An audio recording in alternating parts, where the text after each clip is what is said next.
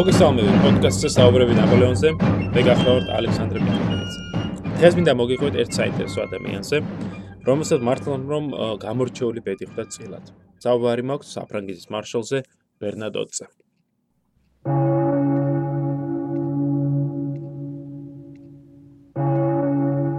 1844 წლის 8 მარტს სტოკჰოლმის ეკლესიებმა ზარის რეკვით აცნობის ქალაქის მაცხოვრებლებს, რომ მეფე კარლ მე-14 იოჰანი, რომელიც უკანასკნელი 25 წლის განმავლობაში მართავდა ქვეყანას, გარდაიცვალა. მომდევნო დღეს მეფის ცხედრის განბანვისას სამეფო მოხელეები გაოცერებულები დარჩნენ, როდესაც ცხედარზე სვირინგი სიკვდილი მეფეებს აღმოაჩინეს. ეს სვირინგი კარგად აჯამებს ერთ დროს რადიკალი რევოლუციონერის, შემდეგ ნაპოლეონის მარშლისა და საბოლოოდ შვედეთის მეფის ჟან ბატის ბერნატოტის არაჩვეულებრივ კარიერას.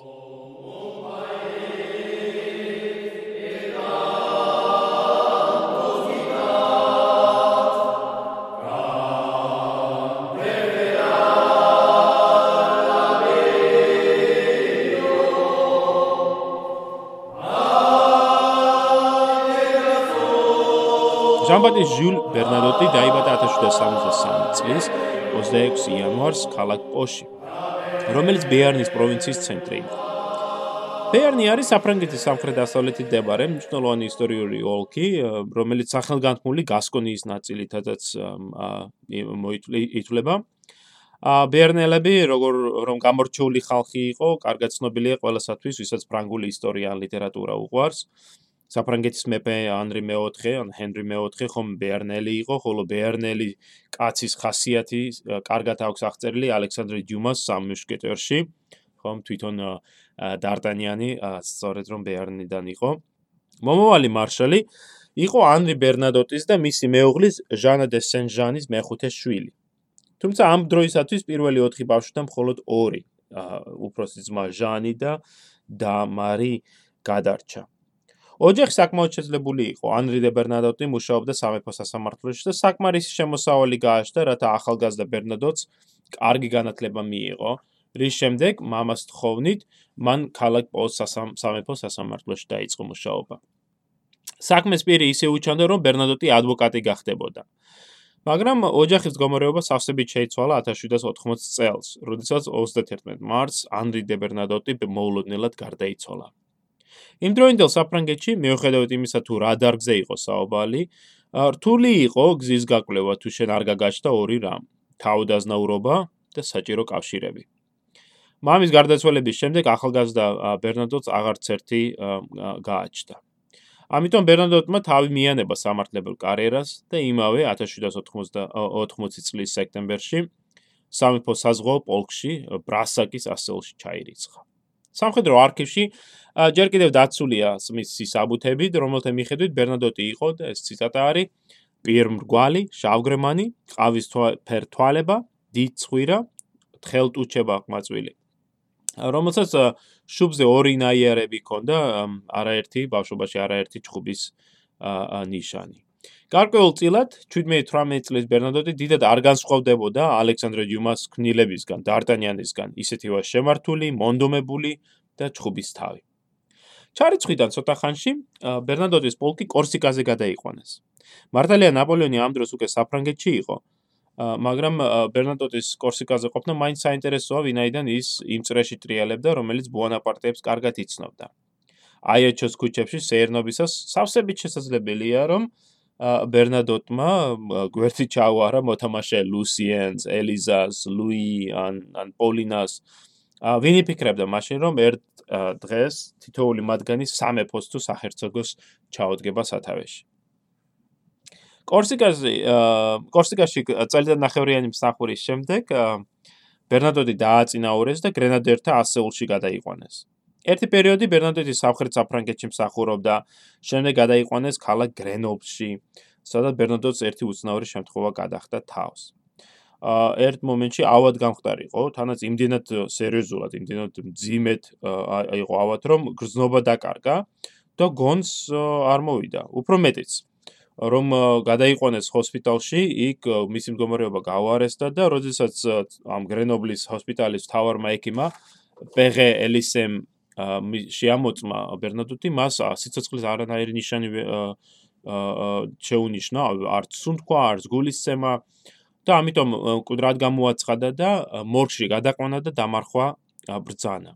დღემდე გაურკვეველია თუ რასენი იყო ეს, მაგრამ ზოგიერთი მკვლევარის აზრით ეს შეიძლება ყოფილიყო კატალეფსიის შემთხვევა. აა ბერნატოტისთვის საბედნიეროდ ფეგელისეს თან ახლდა მისი მეგობარი, პროფესიით ბიოლოგი, მაგრამ მედიცინით გატაცებული პიროვნება დომინიკ ვილახსი, რომელიც აი მართლაც რომ არ შეეშვა ამ ახალგაზრდა ოფიცერზე ფიქრს, უპროფესორი ბერნადოტი არ არის ჯერ ოფიცერი, მაგრამ აი ამ ახალგაზრდა ჯარისკაცზე ფიქრს.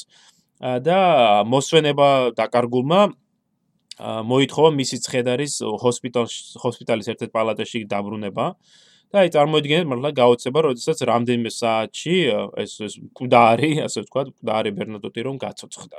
ანუ აი მართლაც გადარჩა. ა 1788 წლისათვის ბერნადოტი უკვე სერჟანტ მაიორი იყო, რაც ერთი მხრივ ძალიან სასიხარულო ამბავია, მაგრამ მეორე მხრივ დიდ პრობლემასაც წარმოადგენდა. 1791 წლის, უბრალოდ 91 წელს მიღებული ეგრეთ წოდებული სეგიურის კანონების მიხედვით, სეგიური იყო საფრანგეთის ომის მინისტრი. მოკლედ, აი სეგიურის კანონების მიხედვით ფრანგულ ჯარში აიგრძელა იმ პირებისათვის ოფიცრის წოდების მინიჭება, რომელსაც არ გააჩნდა 4 თაობის თავდაზნაურობის დამადასტურებელი საბუთები. ვინაიდან ბერნადოტი არ იყო აზნაური, ის ვერანაირად გაცდებოდა ამ ზღვარს და ფაქტობრივად სამუდამოდ სერჟანტის რიგებში იქნებოდა. სწორედ ამიტომ 1799 წელს დაწყებული პოლიტიკური ცვლილებები, რომელიც შემდეგ ხო რევოლუციაში გადაიზარდა, მეტად სახარბიელო იყო ბერნადოტისათვის და ბევრი სხვა ფრანგი ჯარისკაცისთვის. ეს ძველი არისტოკრატიულ პრივილეგიებზე დაფუძნებული სამხედრო სისტემა განადგურდა და ეს შეიქმნა ახალი ნიჭზე დამსახურებაზე დაფუძნებული სისტემა. ასეთ ვითარებაში ეს ამბიციით სავსე ნიჭიერ პიროვნებას როგორც ბერნატოდი იყო არ გასჭირვებია სწრაფი დაწინაურების მოპოვება. მართლაც 1791 წლის ნოემბერში ის 36 ქვეით პოლკში გადავიდა და უკვე ლეიტენანტის წოდება მიიღო. ანუ აი ეს წოდება, რომელსაც ძველი რეჟიმის დროს ის მართლაც ვერასოდეს დაიმსახურებდა, ამ ახალ სისტემაში, რევოლუციიდან დაწყებიდან წელიწად ნახევარში მას უკვე გააჩნია. ხოლო 1792 წლის ნოემბერში ის უკვე ადიუტანტ მაიორი გახდა. იმავე წლის გაზაფხულზე რევოლუციურმა საფრანგეთმა, ანუ 92 წლის გაზაფხულზე საფრანგეთმა ომი გამოუცხადა მონარქისტულ ევროპას და ბერნადოტმა უკვე პირველი საბრძოლო გამოცდილება რაინის და ჩრდილოეთ არმიების რიგებში მიიღო. სწორედ აქ იმსახურა მან 2 წლის განმავლობაში. 1794 წელს ბერნადოტის კარიერისათვის მეტად ნიშნულოვანი წელი გამოდგა. მან ჯერ კიდევ ბატალიონის მეთაურის წოდება შემდეგ კი ნახევარ ბრიგადის მეთაურობა მოიპოვა და სახელი გაითქვა რევოლუციური სულისკვეთებით და პოლიტიკური რადიკალიზმით. 1794 წლის 26 ივნისს ბერნანდოტმა მონაწილეობა მიიღო ფლერუსთან მომხდარ გადამწყვეტ ბრძოლაში, სადაც ფრანგულმა ჯარმა დაამარცხა ავსტრიელები. ამ ბრძოლაში ბერნანდოტმა ერთ-ერთი იერიშის დროს თავი გამოიჩინა და ბრიგადის ბრიგადის გენერლის წოდება დაიმსახურა.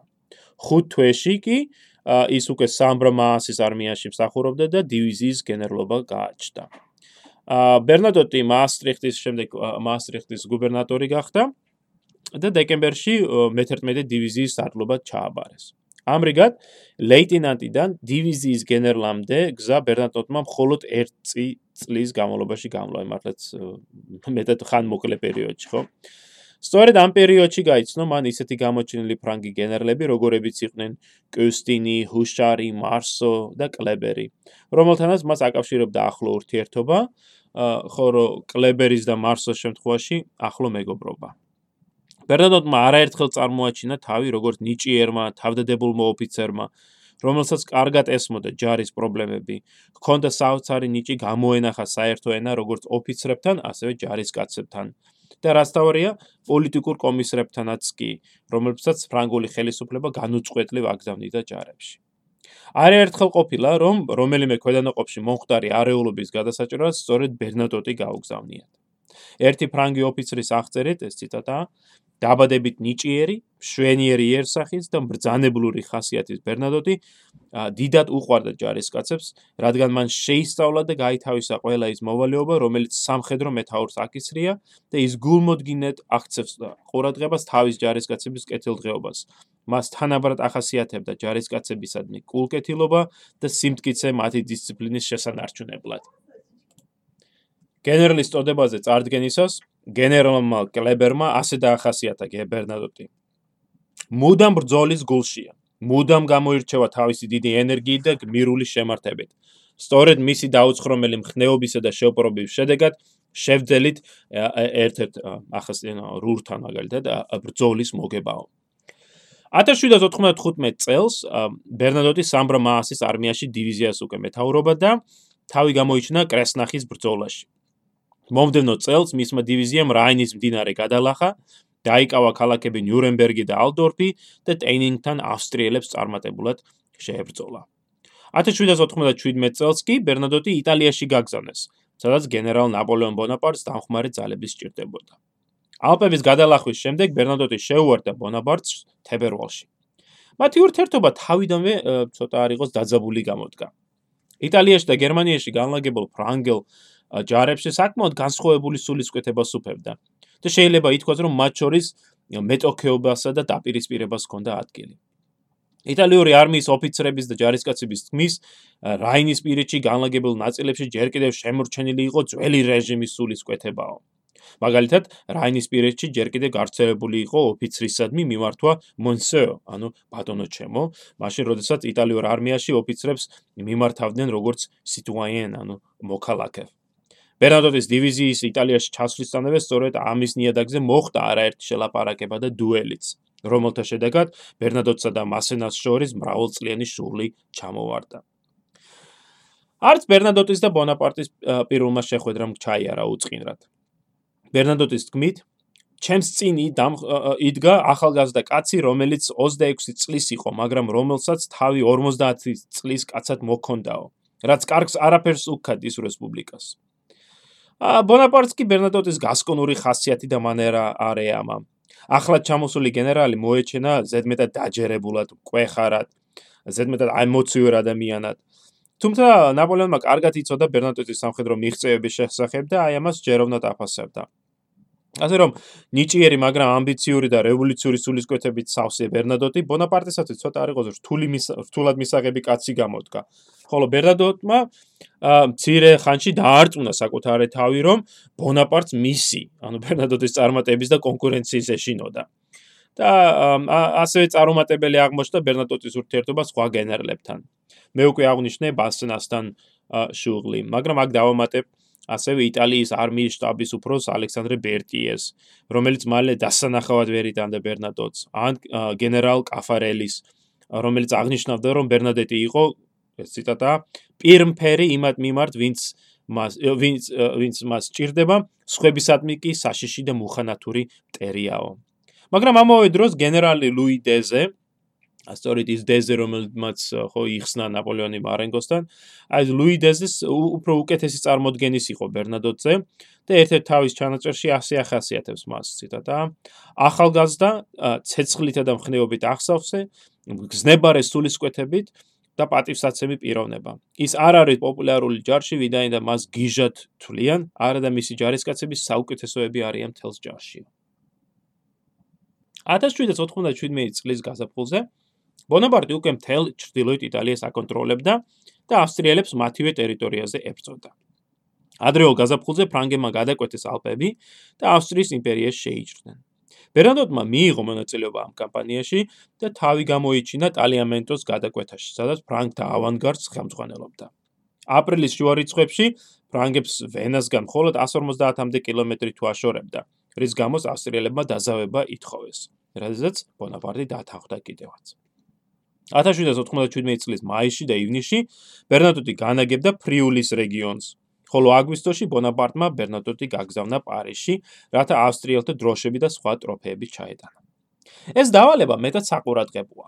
ერთის ხრივ ეს ბონაპარტის ხრიდან ბერნადოტის დამსახურების აღიარება იყო, ხო? აი ესეთი გამარჯვების ამბის, მithumetes ტროფეების და დროშების ჩატანა დედაქალაქში საკმაოდ დიდი პატივი იყო. მაგრამ მეორე მხრივ ნაპოლეონს ამ ურჩი გენერლის მოშორების საშუალებასაც აძლევდა. უკანასკნელი რამოდენიმე თვის განმავლობაში ხომ ბონაპარტსა და ბერნადოტს შორის დაპირისპირება მოხდა.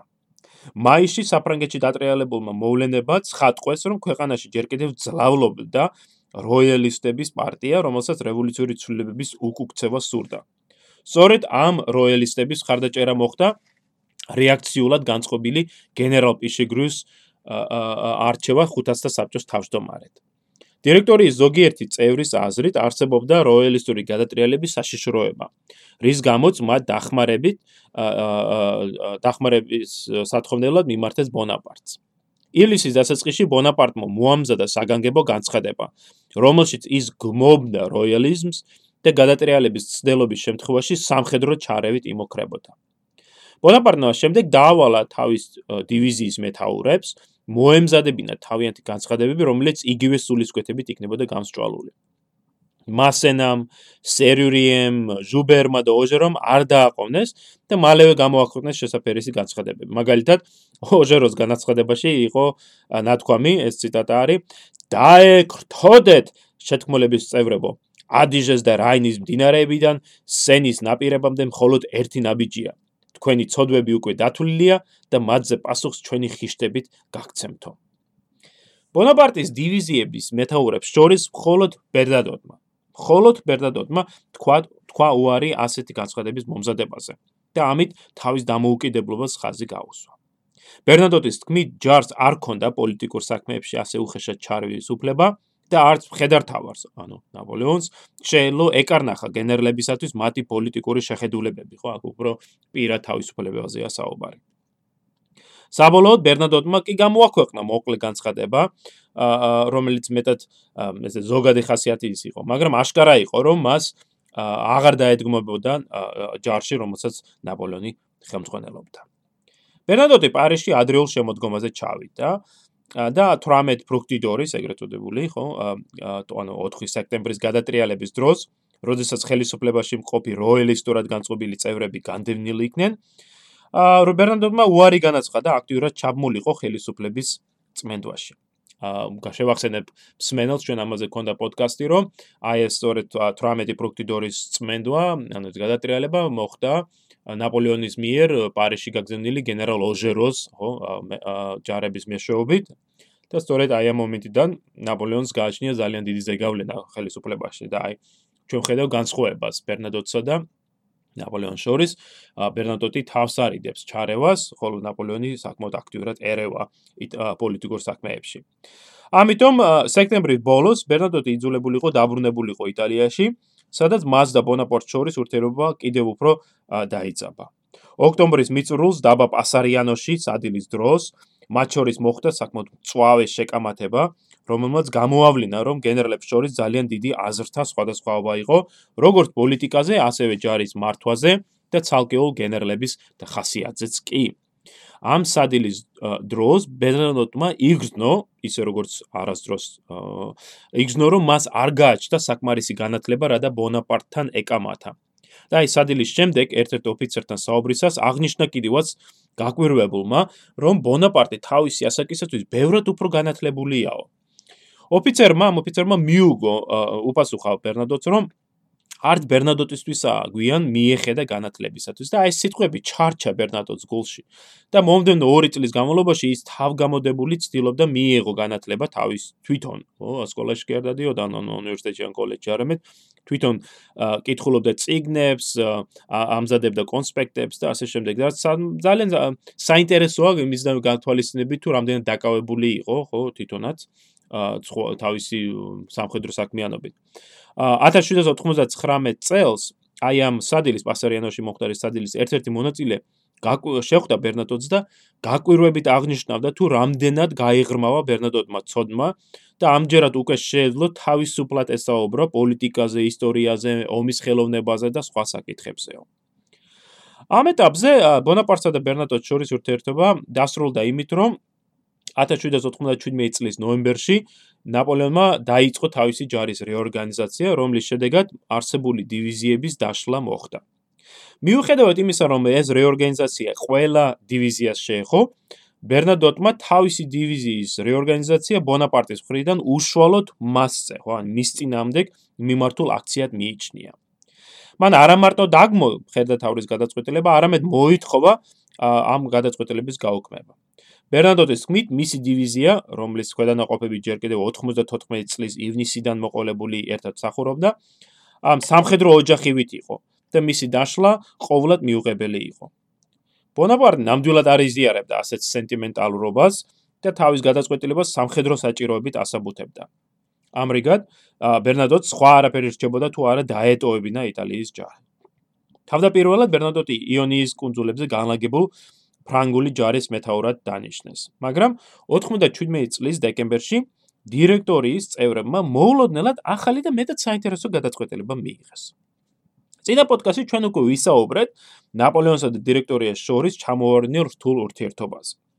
ერთი მხრივ დირექტორია დიდად დამოკიდებული იყო ამ წარმატებულ გენერალზე, ხო, ნაპოლეონზე, მაგრამ მეორე მხრივ შიშობდა სამართლიანადაც, როგორც დავინახეთ, რომ ნაპოლეონი დიდ პოლიტიკურ საფრთხეს წარმოადგენდა, რომ შესაძლებელი იქნებოდა, ხო შესაძლებელია, რომ ნაპოლეონს გამოეყენებინა ეს თავის სამხედრო ძალაუფლება, რათა მოსულიყო ძალაუფლებაში, რაც მან კიდევაც გააკეთა შემდგომში.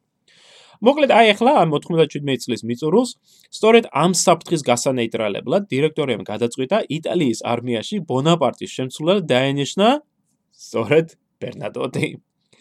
დირექტორიის წევრებმა ცხადია იცოდნენ გენერალებს შორის უთანხმოებაზე და იმემედოვნებდნენ, რომ ბერნადოტი შეძლებდა ბონაპარტის მზარდის ეგავლენის გაწონასწორებას. ადვილად წარმოსადგენია თუ რა რეაქცია ექნებოდა ნაპოლეონს. მან ყოველი ღონე იხმარა, რათა დირექტორიას შეეცვალა ეს ბრძანება. ცდილობდა დაერწმუნებინა დირექტორიის წევრები, რომ ბერნადოტი არ იყო მზად ასეთი საპასუხისგებლო თანამდებობისათვის. რომ უკეთესი იქნებოდა მის ნაცვლად დაენიშნათ სხვა გენერალები, მაგალითად ბერტიე ან ბრუნიო. დირექტორიამ თავდაპირველად არაჩააგდო ეს არგუმენტები, მაგრამ ნაპოლეონს ბედმა გაუღიმა. 1797 წლის 28 დეკემბერს რომში მოხდა დაპირისპირება საფრანგეთის საელჩოსთან მიმაგრებულ ფრანგ ოფიცრებსა და ადგილობრივ მოსახლეობას შორის. რომლის შედეგად მოხდა შეტაკება და ამ ამ ჩხუბის დროს მოკლეს ფრანგი გენერალი დიუპო. ნაპოლეონმა დაუყოვნებლივ გამოიყენა ეს შემთხვევა. რომში მომხდარმა მოვლენება შეიძლება დაარწმუნოს ავსტრია, რომ იტალიაში ფრანგებს საკმარისი მხარდაჭერა არ გააჩნიათო, აწერდა ნაპოლეონი. ამიტომ ავსტრიელებმა შეიძლება სცადონ დაკარგული ტერიტორიების დაბრუნებაო. ა ამრიგად საჭიროა ვენაში ახალი ელჩის გაგზავნა, თანაც ისეთი ელჩის, რომელიც სამხედრო პირი იქნებაო, ნაპოლეონი აწერდა და ამით ვენის კარს მივანიშნებ თუ რა შედეგებს მოუტანდა ნებისმიერი მას, ნებისმიერი ახალი სამხედრო ავანტიურაო. დირექტორია მოიწონა ნაპოლეონის ეს იდეა. და როცა იკითხავ მაგალითად ვის ვის ვინ ქონა მხედველობაში ნაპოლეონმა ბუნებრივია ბერნადოტი დაასახელა. ამიტომ ჯერ კიდევ მილანისკენ მიმოვალმა თავისი დანიშნით გახარებულმა ბერნადოტმა არიქა ჩემი მეტოქის თავარსარდლობა იტალიის არმიის მეთაურობა მერგო მიიღო ახალი ბრძანება, დაუყოვნებლივ გამგზავრებულიყო ვენაში და სამფრანგეთის ელჩად ემსახურა იქ. ბერნადოტი მეტად უკმაყოფილო იყო ამ დანიშნით, მაგრამ იძულებული იყო დამორჩელებულიყო მას.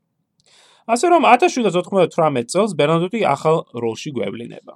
ავსტრიაში საფრანგეთის სრულუფლებიან ელჩად. რაც თავისთავად მეტად საინტერესო გადაწყვეტილება იყო ავსტრიასა და საფრანგეთს შორის დიპლომატიური ურთიერთობები ხომ ომის დაწყებისთანავე შეწყდა. 92 წლიდან მოყოლებული ავსტრია განუწყვეტლივ იბრძოდა რევოლუციური საფრანგეთის წინააღმდეგ და თავშესაფარს აძლევდა ათასობით როიალისტ ემიგრანტს, რომლებიც ომის დასრულების შემდეგ კვლავ აქტიურად აგრძელებდნენ ანტიფრანგულ აგიტაციას. ასეთ ვითარებაში ბერნადოტის მსგავსი სამხედრო პირის და რაც უფრო მთავარია მისი გასკონური ხასიათის მქონე ადამიანის ელჩა დანიშნა ბუნებრივია დიდი პოლიტიკური პრობლემის მომასწავებელი იყო. ბერნადოტს ხომ არც საკმარისი განათლება გააჩნდა და არც არავითარი დიპლომატიური გამოცდილება, რათა წარმატებით გაერთმია თავი ამ ნიშნულოვანი მისიისათვის. ჩვენ ამას ვხედავთ მის წერილებშიც და საფრანგეთის საგარეო საქმეთა სამინისტრთან ტალერანთან გაგზავნილ ერთ-ერთ გზავნილში ის აღნიშნავს კიდევაც და ციტატა ჯარისკაცის უპირველესმა მოვალეობამ რომელიც ბრძანებისათვის დამორჩილებაა მაიძულა მიმეყო ეს დანიშნა. მაგრამ მე ვშიშობ რომ დიპლომატიურ სარბიელზე მე ბევრად უფრო დიდ სირთულეებს გადავეყრები ვიდრე ოდესმე შემხედრია სამხედრო მოღვაწეობის პერიოდში.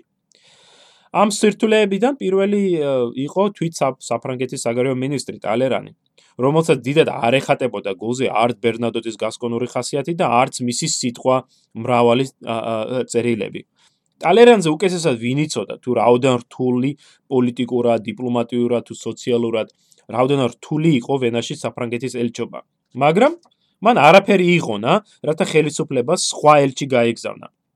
მინისტრსა და ელჩორის ურთიერთობა მალევე გართულდა. გვერნატორს სურდა თავისი შტაბის ოფიცრების თან წაყვანა, რაზედაც სტალინმა უარი განუცხადა და გაუგზავნა აი სწორედ საგარეო საქმეთა სამინისტროდან მოხელეები. არც ავსტრიის ხელისუფლება ელოდა ბერნადოტს გაშლილი ხელით.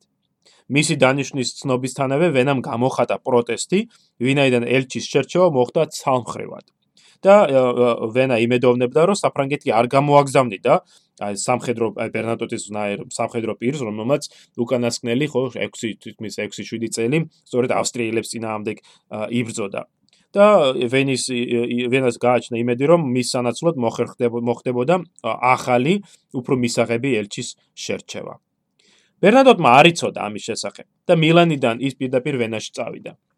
ბუნებრივია ის მას იქ არავის ელოდა. 1798 წლის 5 თებერვალს, როდესაც ბერნადოტი მიადგა ავსტრიის საზღვარს, პირველი რაც მას უთხრეს იყო: "მოგვეცით აბა პასპორტი და გაიარეთ საბაჟო კონტროლიო." ამით განრისხებულმა ბერნადოტმა განაცხადა, რომ ის საფრანგეთის ელჩი იყო და თუ მას დაუყოვნებლივ არ გაატარებდნენ, იგი პარიზში დაბრუნდებოდა და ავსტრიასთან ომი განახდებოდა. ბერნადოტი უმალვეში გაუშვეს, მაგრამ ადვილად წარმოსადგენია, ხო ამ ამ ზეგავლენა ეს ახლა ეს უკვე პირველი ინციდენტია. კიდევ უფრო საინტერესოა ის, რომ ანუ უფრო ისე წარმოსადგენია თუ რაოდენ გაოგნებულები იყვნენ ავსტრიელები, როდესაც 8 თებერვალს ბერნატოტი გამოცხადა ქალაქ ვენაში, გაუფრთხილებლად, ასე ვთქვათ, და ყოველივე სამზადისის გარეშე. ავსტრიელები იმდენად მოუმზადებელები იყვნენ, რომ ელც არანაირი დახვედრა არ მოუ არ მოუწყვეს. ხო ისინი იმეჯერ კიდევ იმედოვნებდნენ, რომ საფრანგეთი გაიწევდა ამ ამ დანიშნვას და მოხდებოდა ახალი ელჩი შერჩევა. ასე რომ ვენესში მისვლისთან მისვლისას ბერნადოს არავინ დახვედრია. უფრო მეტიც ავსტრიის საგარეო საქმეთა მინისტრის სრულებით გაოცებული იყო, როდესაც შეიტყო სამინისტროში ფრანგი ატაშეს მისვლის შესახებ. და გაკვირვებული და და მithumetes როდესაც ამ ატაშემ აცნობა, რომ ბერნადოტის მალე გამოცხადდება. ბერნადოტის დიპლომატობა მეტად ხანმოკლე აღმოჩნდა. ვენაში მან ისეთი რევოლუციური სულისკვეთება გამოიჩინა, რომ პოლიტიკური სკანდალიც შექმნა, რომლის შედეგად 15 ივლისს ვენაში არეულობა მოხდა, უпростоრედ 15 აპრილს ვენაში არეულობა მოხდა და საფრანგეთის საელჩოზე თავდასხმაც მოხდა. ძვინვარე ბრბომ ბერნადოტის მიერ საელჩოს გარე დაკიდებული რევოლუციური სიმბოლოები, მათ შორის საფრანგეთის სამფერა დროშა, დაფლითა და დაწვა. ამ დიპლომატიური სკანდალის შედეგად ბერნადოტმა დაუყოვნებლივ დატოვა ქალაქი. ასე რომ დიპლომატობა ბერნადოტის დიპლომატობა გატანა გასტანა 8 თებერვლიდან აპრილის შუა რიცხვებამდე. პარიზში დაბრუნებისას ბერნადოტი დაქორწინდა დეზირე კლარიზე, მარსელე ვაჭრის ქალიშულზე, რომელსაც თავის დროზე, სწორედ ნაპოლეონთან ჰქონდა ურთიერთობა, ჩვენ საუბრობდით, რომ ნაპოლეონის პირველი ესეთი სერიოზული სიყვარული სწორედ დეზირე კლარი იყო. ასე მინდა შევახსენო მსმენელს, რომ დეზირეს და ჟული გათხოვილი იყო ნაპოლეონის ძმაზე ჟოზეფ ბონაპარტზე. და სწორედ აი ამ ქორწინების შედეგად დეზირეს და ბერნადოტის შორის ქორწინების შედეგად ბერნადოტი გახდა ფაქტობრივად ბონაპარტეების სიძე, ასე ვთქვათ, ხო? 1799 წლის 2 ივლისს ბერნადოტი სამხედრო მინისტრად დაინიშნა. ის დიდი ენერგიით შეუდგა ამ თანამდებობაზე მუშაობას და თავისი მკაცრი და ეფექტური მართლობით გაითქვა სახელი. მაგრამ მისმა წარმატებამ თავრობა ცოტა არ იყო შეაშფოთა და სექტემბერში ბერნადოტი თანამდებობიდან გადააყენა. ერთ თვეში პარიზმა გენერალ ბონაპარტის ეგვიპტიდან დაბრუნების ამბავი შეიტყო. ბერნადოტი მუდამ კანონიერების დაცვის მოქადაგე იყო და ამიტომ მან საიჯაროდ მოითხოვა ბონაპარტის დაბრუნების მიზეზების გამოკვლევა და დეზერტირების ბრალდებით მისი გასამართლება. რამაც ბუნებრივია ორ ამ ორ გენერალს შორის ურთება კიდევ უფრო გაამძაფრა. ნოემბრის დასაწყისში ბონაპარტი სახელმწიფო გადატრიალებას ამზადებდა, როგორც დავინახეთ, და ბერნადოტს მხარდაჭერა რომ სთხოვა, ბუნებრივია ბერნადოტმა უარი განუცხადა.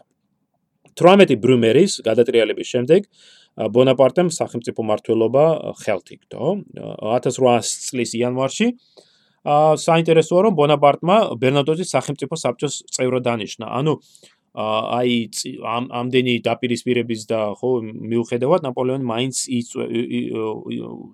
იყენებს ბერნადოტს აა ნიშნავს მას როგორც თქვი სახელმწიფო საბჭოში. ასევე იმავე წელსვე მან გაგზავნა ბერნადოტი ვანდიაში ამბოხების ხო ჩასაკრობად. ბერნადოტი დასავლეთის ეგრეთ წოდებულ დასავლეთის არმიას 1801 წლის გაზაფხულის მიწურულამდე მეთაურობდა. შემდეგ დარჩა კიდეც ქალაქ პლომბიერში და განაგრძობდა თავის რესპუბლიკანიზმის და რევოლუციური იდეალების ქადაგებას. რაც ბონაპარტს ცოტა არ იყო აშფოთებდა. სწორედ ამ დროს მოხდა თუ გახსოვთ ნაპოლეონის წინააღმდეგ არაერთი შეთქმულება. მათ შორის იყო ეგრეთ წოდებული ღენის შეთქმულება, რომელშიც მონაწილეობა მიიღო დასავლეთის არმიის ოფიცრებმა და გენერლებმა. მარტელია ჩვენ არ გაგვაჩნია საკმარისი ინფორმაცია, რომ ბერნადოტმა მიიღო უშუალო მონაწილეობა ამ შეთქმულებაში. ყოველ შემთხვევაში ვერც ფუშემ შეძლო საკმარისი მასალის მოძიება, მაგრამ ნაპოლეონი დარწმუნებული იყო, რომ ბერნადოტი მაინც რაღაცით გარეული იყო მასში. მაგალითად, ოფიცრების ნაწილი, მათ შორის ბერნადოტის штаბის უпросიც აქტიური წევრები იყვნენ ამ შეთქმულების და ქადაგებდნენ, ასე რომ ითხოვდნენ ნაპოლეონის გადაყენებას. ყოველ მოკლედ ნაპოლეონი დარწმუნებული იყო რომ ბერნარდი მაინც რაღაცით იყო გარეული. აი და მისი გენერალის თავიდან მოშორების მიზნით ნაპოლეონმა ბერნადოტს ლუიზიანის გუბერნატორობა შესთავაზა. აა და შემდეგ ამერიკის შეერთებულ შტატებში ელჩობაზეც ელჩობაც კი შესთავაზა მას. ბერნადოტს ჯეროდა რომ მის დიპლომატიურ მისიას დიდი როლი ექნებოდა ლუიზიანაში ფრანგული ხელისუფლების განმტკიცებაში. მაგრამ ეს ეს ყოველი მიმედი მალე გაუქარტყდა, როდესაც ნაპოლეონის მიერ ლუიზიანის ამერიკისადმი ხო მიყიდვის ამბავი შეიტყო. განრიცხებულმა ბერნადოტმა შემდეგ უარი განაცხადა ამერიკაში წასვლაზე და საფრანგეთში დარჩა. მომდენო ერთი წელი ბერნადოტმა უსაქმოდ გაატარა. 1804 წლის მაისში მას მეტად სასიხარულო ამბავი შეატყობინეს. ბონაპარტმა ახალი სამხედრო წოდება საფრანგეთის მარშალის შექმნა და ბერნადოტს რიგით მეშვიდე მარშლის წოდება უბოცა. ბონაპარტმა კარგად იცოდა ბერნადოტის ამბიციური, ამპარტავანი, ცოტა ყვეხარა ხასიათის თაობაზე, მაგრამ ნიჭიერ ხალხს ის მუდამ აფასებდა. აქვე ისიც მინდა აღვნიშნო, რომ ნაპოლეონს და ბერნადოტს შორის ურთიერთობების გაუმჯობესებაში დიდი როლი ითამაშა თვით დეზიღრემაც, ხო, ბერნადოტის ცოლმა და ნაპოლეონის ყოლმა ყოფილმა შეყვარებულმა. მარშლის ბატონთან ერთად ბერნადოტს ჰანოვერის გუბერნატორობაც ერგო. ამ თანამდებობაზე ბერნადოტმა კიდევ ერთხელ წარმოაჩინა თავისი ადმინისტრაციული ნიჭი. ქალაქში აღადგინა წესრიგი, ადგილობრივი მოსახლეობის მადლიერებაც დაიმსახურა. ამავე დროს ბერნადოტი, რომელიც ჯერ კიდევ რევოლუციურ პრინციპებს იზიარებდა, ნაპოლეონის იმპერატორად გამოცხადებას მეტად კრიტიკულად შეხვდა და საჯაროდ დაგმოის. 1805 წელს მესამე კოალიციის ომის დაწყებისას ბერნადოტს პირველი корпуსის მეთაურობა ერგო. მან მონაწილეობა მიიღო ავსტერლიცის კამპანიაში, სადაც მის корпуს ეკავა ცენტრალური პოზიცია და დიდი როლი ითამაშა რუსეთ-ავსტრიის ჯარის დამარცხებაში ავსტერლიცთან. ამ ბრძოლის შემდეგ ნაპოლეონმა ბერნადოტი დანიშნა ანსპახის რეგიონის გუბერნატორად და საჩუქრად გადასცა იტალიაში მდებარე პონტე-კორვოს სამთავრო. რის გამოც ერთ დროს, ხო, ეს რუს რესპუბლიკური სულისკვეთებით ჩქებარე სულისკვეთებით ახსავსე ბერნადოტი უკვე ატარებდა პონტე-კორვოს პრინცის წოდებას. ნაპოლეონის მხრიდან ეს ნაბიჯი მეტად საყურადღებოა. იმის გათვალისწინებით, რომ იმპერიის დროს ძალიან ცოტა ადამიანს ერგო აი პრინცის წოდება. პრინცის პირველი სამი წოდება მაგალითად მხოლოდ ბერტიეს, მიურატს და ბერნადოტს ერგო. ყველა დანარჩენი მარშალი და გენერალი ხომ ჰერცოგის ან დანარჩენ მარშალს და გენერალს ჰერცოგის ან ბარონის წოდებები მიენიჭა. მასენას და დაუს მაგალითისთვის, ხო, მასენას და დაუს, რომელსაც ბევრად უფრო გამოჩენილი ადაპირონებები იყო სამხედრო თვალსაზრისით, მათ მოუწიათ 4 წლიანი ლოდინი, ვიდრე ნაპოლეონმა მათ პრინცის წოდება უუთბოთა. ხოლო ნეიმა ეს წოდება მხოლოდ 1812 წელს მიიღო. მას რამ განაპირობა ნაპოლეონის ეს საქციელი თავისი აშკარა სამოწინააღმდეგის მიმართ? ნაპოლეონმა ერთხელ განაცხადა, რომ მან ეს გააკეთა თავისი ძმის, ჟოზეფის და რძლის ხო, ჟიულის თხოვნის საფასუხოდ. მაგრამ ეს არ არის სრული მიზეზი. ნაპოლეონის ხასიათის ერთ-ერთი გამორჩეულ თვისება იყო ის, რომ ადამიანის დანიშნვის დაწინაურების თუ დაჯილდოებისას ის იშვიათად ხელმძღვანელობდა თავის პირადი სიმპათიით თუ ანტიპათიით. მას წამდა საკუთარი შესაძლებლობების თავის ხარეზე გადმოებირებინა თავისი მოწინააღმდეგებიც კი. ნაპოლეონს კარგად ესმოდა, რომ საუბარი არ იყო გუშინდელი მტრების დღევანდელ მოყარეებით მოყარეებად გადაქცევაზე, არამედ ამ ხალხის სახელმწიფო სამსახურში ჩადგომაზე და საფრანგეთის საკითხელღეოდ მოღვაწეობაზე. თავის ძმასთან ლუსიენ ბონაპარტთან მიწერილ წერილში ნაპოლეონი აღნიშნავს და ეს ციტატა არის. არა აქვს ნიშნულობა თუ ესა და ის ის პირები მონაწილეობდნენ ჩემს წინააღმდეგ შეთქმულებაში, ან რომ სხვები მუდამ ჩემით უკმაყოფილები არიან. ამ შეთქმულების და უკმაყოფილების მიუხედავად, ჩემთვის ყველაზე მთავარია რომ ისინი კლავაც ემსახურებოდნენ საფრანგეთსო. აი ბერნადოტისათვის პონტე კოროს სამთავროს გადაცემა სწორედ ამ მიზანს ემსახურებოდა. ნაპოლეონი კარგად იცნობდა ბერნადოტის ხასიათს და ესმოდა, რომ გენერლის გულში რესპუბლიკანიზმზე უფრო დიდ ადგილს ამბიცია და დიდების სურვილი იკავებდა და სწორედ ამის გამოყენებას ისახავდა მიზნად ნაპოლეონი. 1806 წელს ბერნადოტმა მეოთხე კოალიციის ომში მიიღო მონაწილეობა და პრუსიის წინააღმდეგ იბრძოდა. 13-14 ოქტომბერს ნაპოლეონმა გააყო თავისი ჯარი და ორი корпуსი, დავუს და ბერნადოტის корпуსები გააგზავნა საპლანკო მანევრის შესასრულებლად. დაბა ნაუმბურგში ჩასვლისას დავუ მიიღო ნაპოლეონის ახალი წერილი.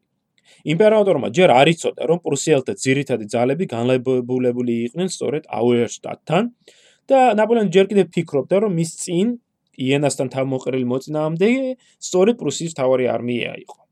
ამიტომ მან დავუს დაავალა საფლანკო მანევრით გასულიყო მოწინააღმდეგის ზურგში. ამავე დროს წერილში ნათქვამი იყო, რომ თუ ამ წერილის ჩასვლისას ბერნადოტი იქნებოდა ნაუმბურგში ამ მის מחლობლად, ბერნადოტს მხარი უნდა დაეჭირა დავუსთვის და მასთან ერთად ემოქმედა. ფერნანდოტი მართლაც იყო ქალაქთან ახლობლად და დაუ მივიდა კიდევაც მასთან ბრძანების გასაზიარებლად და მომავალი სამხედრო ოპერაციის დეტალების განსახილველად. მაგრამ შეხვედრისას ბერნადოტმა მოითხოვა უფროსობა. ვინაიდან მისი თქმით ის სათავე შეედგა პირველ корпуს დავუხო მესამე корпуს ხელმძღვანელობდა და რომ მას, ანუ ბერნადოტს გენერლობის წოდების 7 წლიანი უფროსობა გააჩნდა დავუზე. და ომს შეახსენა, რომ მარშლები თანაბარი ძალაუფლებით სარგებლობდნენ და რომ იმპერატორის წერილში არაფერი იყო ნათქვამი მისი корпуსის ბერნადოტისადმი დამორჩილებაზე. ну, მოკლედ, შეხვედრა იმით დასრულდა, რომ მარშლებს შორის განხეთილება მოხდა. დავომ განაცხადა, რომ ის განაგრძობდა გზას აურშტატისკენ, ხოლო ბერნადოტმა გეზი სამხრეთით დაბა აპოლდასკენ აიღო. 14 ოქტომბერს როგორც ცნობილია, მოხდა გადამწყვეტი ბრძოლები იენა აურშტატთან, რომელთა დროს ნაპოლეონის 96000-იანმა ჯარმა სასტიკად დაამარცხა პრუსიელთა 53000-იანი ჯარი, მაშინ როდესაც დავუს 27000-იანი корпуსი აღმოჩნდა პირისპირ 60000-იან პრუსიელთა ჯართან.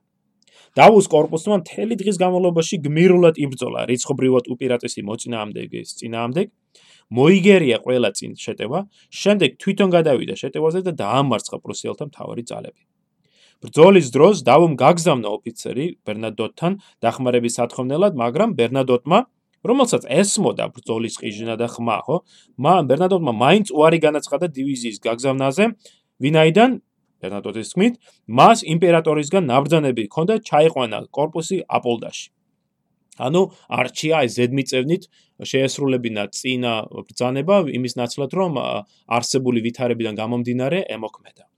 საღამოს ბრძოლა რომ მიილიე, დავუმ კვლავ გაგზავნა ოფიცერი ბერნადოტთან და სთხოვა დახმარება დამარცხებული პრუსიელების დადევნებაში. მაგრამ ბერნადოტმა ამჯერადაც უარი განაცხადა. ჩემი корпуსი დაღლილი არისო. ამაში არის გარკვეული სიმართლე, ვინაიდან პირველმა კორპუსმა მართლაც რთული გზა განლოიტყეს. მაგრამ ბერნატოს ჰქონდა შესაძლებლობა კავალერია მაინც გაეგზავნა. ყველაზე საინტერესო მაინც არის ის მომენტი, როდესაც დავუს ოფიცერთან საუბრის ბოლოს ბერნადოტმა აღნიშნა შემდეგი რამ. ამა აბა ეხლა წადიო, დაუბრუნდი შენს მარშალს და უთყა გადაეცი რომ მე, ანუ ბერნადოტი აქ ვარ და ნუღარაფრის ეშინოდეს დავუსო. ამ პასუხში ჩანს ცოტა არის ხო ბერნადოტის თვითდაჯერებულობა, ამპარნავ ამპარტავნობა, გარკვეულწილად მისი გაის გასკუნური ხასიათი, ხო? აა დავუს ოფიცერი გაოგნებული იყო ამ სიტყვებით. sacre-bleu, ფრანგები როგორც იტყვიან, ეს ციტატა არის sacre-bleu, უპასუხა ოფიცერმა. ჩემი მარშალი დილის 8 საათიდან საღამომდე ლომივით იბრძოდა რიცხობრივად უპირასესი მტრის წინააღმდეგ. მან საქმე დაანტკიცა, რომ არაფრის და არავის ეშინიაო, უთხრა ოფიცერმა და ოთახიდან გავიდა. ადვილად წარმოსადგენია თუ რა რეაქცია ჰქონდა დავუს ამ ოფიცრის მოხსენების მოსმენისას. 19 ოქტომბერს დავუ პირადად მივიდა ნაპოლეონთან, წარუდგინა აუშტატის ბრძოლის ანგარიში და მოახსენა ბერნადოტის საქციელის შესახებ. ამ ბეჩავ პონტეკოროს პრინც რომ ერთი კოლონა მაინც გამოეგზავნაო, განაცხადა დავუ, მე ჯერ კიდევ მეყოლებოდა რიგებში საფრანგეთზე თავდადებული 1000 1000 კაციო. გენერალ რაპის, ჟან რაპის ცნობით, დაუსთან შეხვედრის შემდეგ ნაპოლეონს უთქვამს: ბერნადოტი ძალიან ცუდად მოქცეულა. ვფიქრობ, მას გაუხარდებოდა კიდევაც დაუს რომ დაურომ დამარცხებულიყო ამ ბრძოლაში. ეს გასკონელი არავის არაფერში გამოადგებაო. იმპერატორმა მკაცრად გაკიცხა ბერნადოტი. და ოქტომბრის ბოლო კვირას მათ შორის წერილობითი დაპირისპირებაც მოხდა.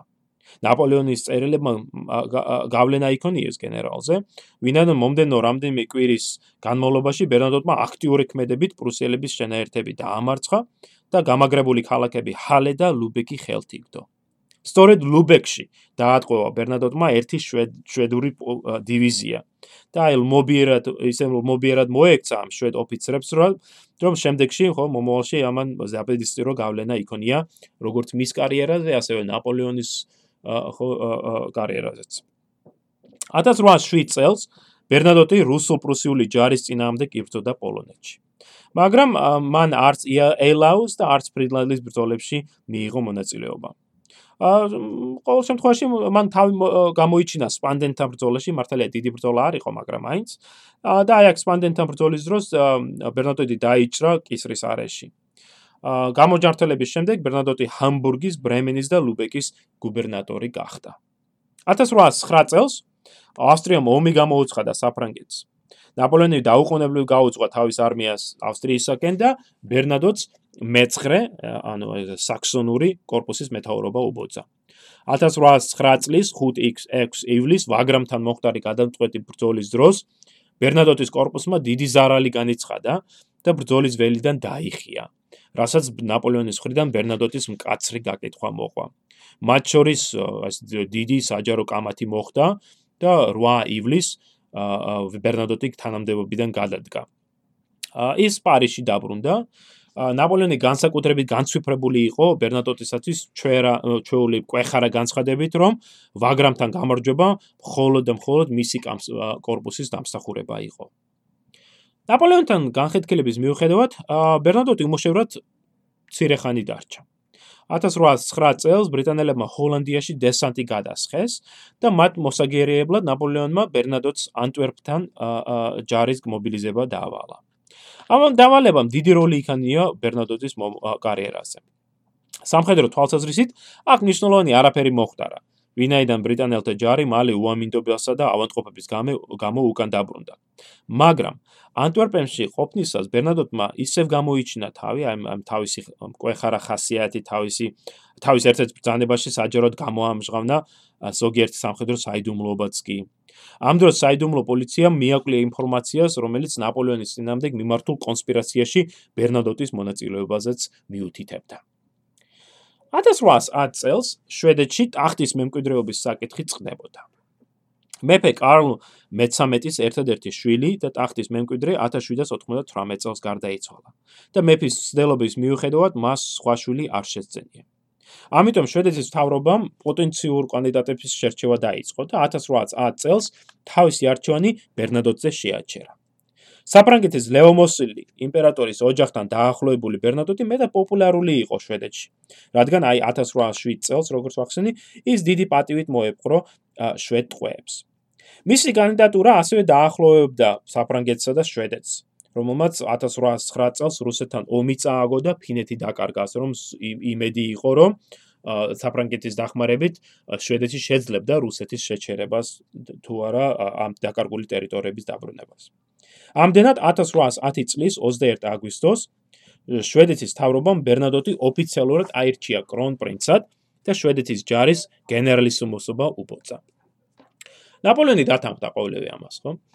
ამ და სწორედ ნაპოლეონის ხრიდან აი საინტერესო არის ეს გადაწყვეტილება. ერთის ხრივ აშკარა არის, რომ მისთვის ეს გადაწყვეტილება ნიშნავს იმას, რომ ის შეძლებდა აი ბერნადოტის საფრანგეთთან მოშორება, მაგრამ აი უნდა იმაზეც ვიფიქროთ, რამდენად გაითვალისწინა ნაპოლეონმა, რომ აი ეს ბერნადოტის ნაირი დამოუკიდებელი ხასიათი ის ხო აა პიროვნება შვედეთის სათავეში თუ რამდენად გაატარებდა ის პროფრანგულ პოლიტიკას, ან რამდენად შეძლებდა ნაპოლეონი მის გაკონტროლებას, მაგრამ აი ნაპოლეონმა მაინც მიიღო ეს ეს გადაწყვეტილება.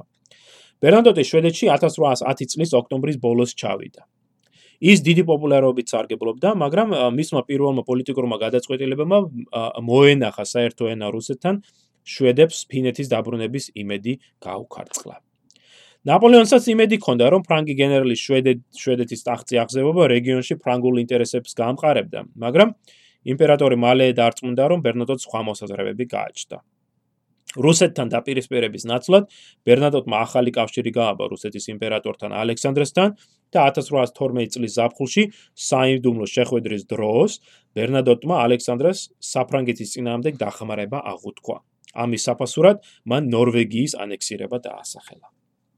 1812 წელს ნაპოლეონის რუსეთში გამარცხების შემდეგ ან ბერნადოტი ოფიციალურად განუდგა საფრანგეთთან კავშირს და მე-6 კოალიციას შეუერთდა. ანუ იმის ნაცვლად რომ ნაპოლეონს დახმარებოდა და თქვა გვერდში დადგომოდა საფრანგეთს, ბერნადოტი პირიქით განუდგა საფრანგეთთან კავშირს და შეუერთდა მოკავშირეებს.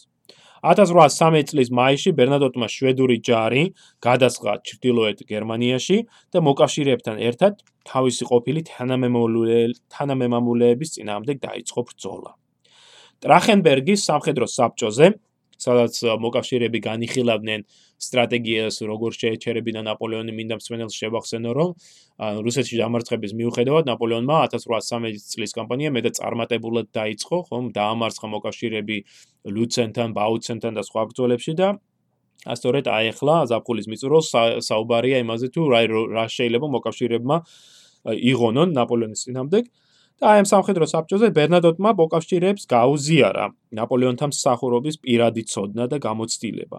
და ამით ხელი შეუწყო იმპერატორის ძინაამდეგ ბრძოლის ახალი გეგმის, ეგრეთ წოდებული ტრახენბერგის გეგმის შემუშავებას, რომელიც ნაპოლეონთან უშუალო ბრძოლისაგან თავის არიდებას და მისი მარშლების დამარცხებას ითვალისწინებდა.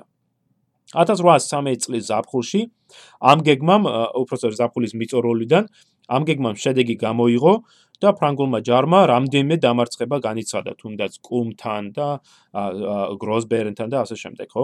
ბერნადოტი თვითონ აქტიურად მონაწილეობდა ამ მოკავშირეების ამ გამარჯვებებში. ის მეთაურობდა ჩრდილოეთის არმიას და თავისი ყოფილი კოლეგების მარშალ უდინოს და მარშალ ნეის წინააღმდეგ იბრძოდა, დაამარცხა ისინი გროსბერნთან და დენევიცთან ბრძოლებში. შემდეგ ბერნადოტმა მონაწილეობა მიიღო ლეიპციგთან გადამწყვეტ ბრძოლაში 16-19 ოქტომბერში, სადაც თვით ნაპოლეონიც დამარცხდა. მოკავშირეებმა რომ საფრანგეთში შეჭრა შეჭრისთვის დაიწყეს მზადება, ბერნადოტმა უარი თქვა მონაწილეობაზე და დეკემბერში დანიელებს შეუტია, რათა აი მისთვის აი მათი ანუ დანიელების კუთვნილი ნორვეგია თავისთვის აიღო, ანუ აი შეთანხმებას შევახსენებ, ხო, რომელიც მან გააკეთა ალექსანდრესთან, მოახდინა, რომ მისი მხარდაჭერის საფასური იყო სწორედ ნორვეგიის ანექსირება. 1814 წლის იანვარში მან დაამარცხა დანია და აიძულა დანიის ხელმწიფომ ხელი მოეწერა კიელის ხელშეკრულებაზე, რომლის თანახმადაც სწორედ შვედეთმა მოახდინა ნორვეგიის ანექსირება. ნორვეგიაში სამხედრო ექსპედიციით მომზადების გამო ბერნადოტმა არ მიიღო მონაწილეობა 1814 წლის საფრანგეთში გამართულ კამპანიაში. ნაპოლეონის გადადგომის შემდეგ, ხო, აპრილში ბერნადოტი ერთი მომენტი იმედოვნებდა, რომ მოკავშირეები მას საფრანგეთის მართველად დანიშნავდნენ.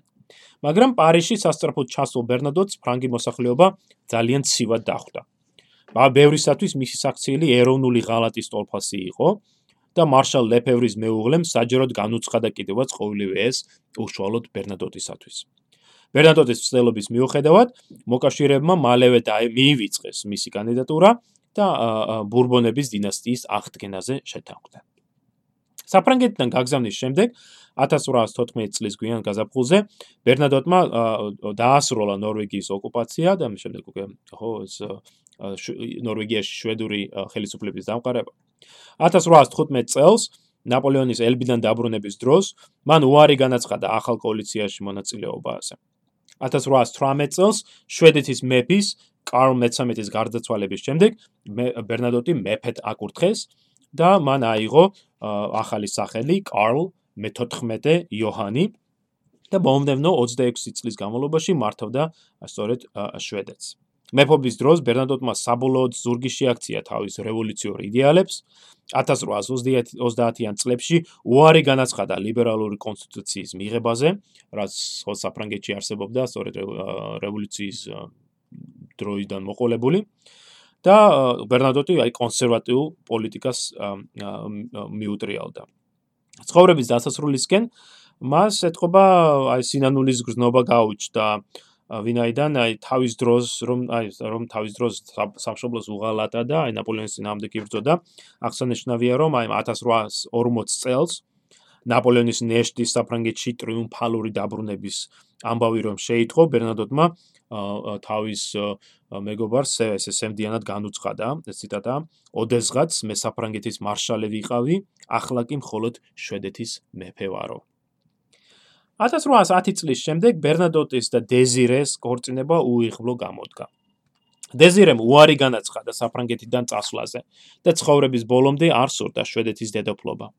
1820-იან წლებში დეზირემ რომანიც გააბა საფრანგეთის პრემიერ-მინისტრთან რიშელიეს ჰერცოგთან, რამაც ბუნებრივია დიდი ვნებათა ღელვა გამოიწვია.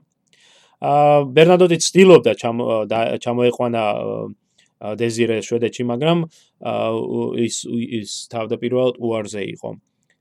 ცოლკმარს გყავდათ ერთი ვაჟიშვილი, ოსკარი, რომელიც დაიბადა პარიზში 1799 წელს, სხვადასხვა ნაპოლეონმა მონათლა ის. 1810 წლიდან მოყოლებული ოსკარი შვედეთში იზრდებოდა და დედასთან მცირე კონტაქტი ჰქონდა. დედაშვილი პირველად შეხვდნენ ერთმანეთს 1822 წელს, როდესაც ოსკარი საცოლის მოსანახავად ევროპაში მოგზაურობდა.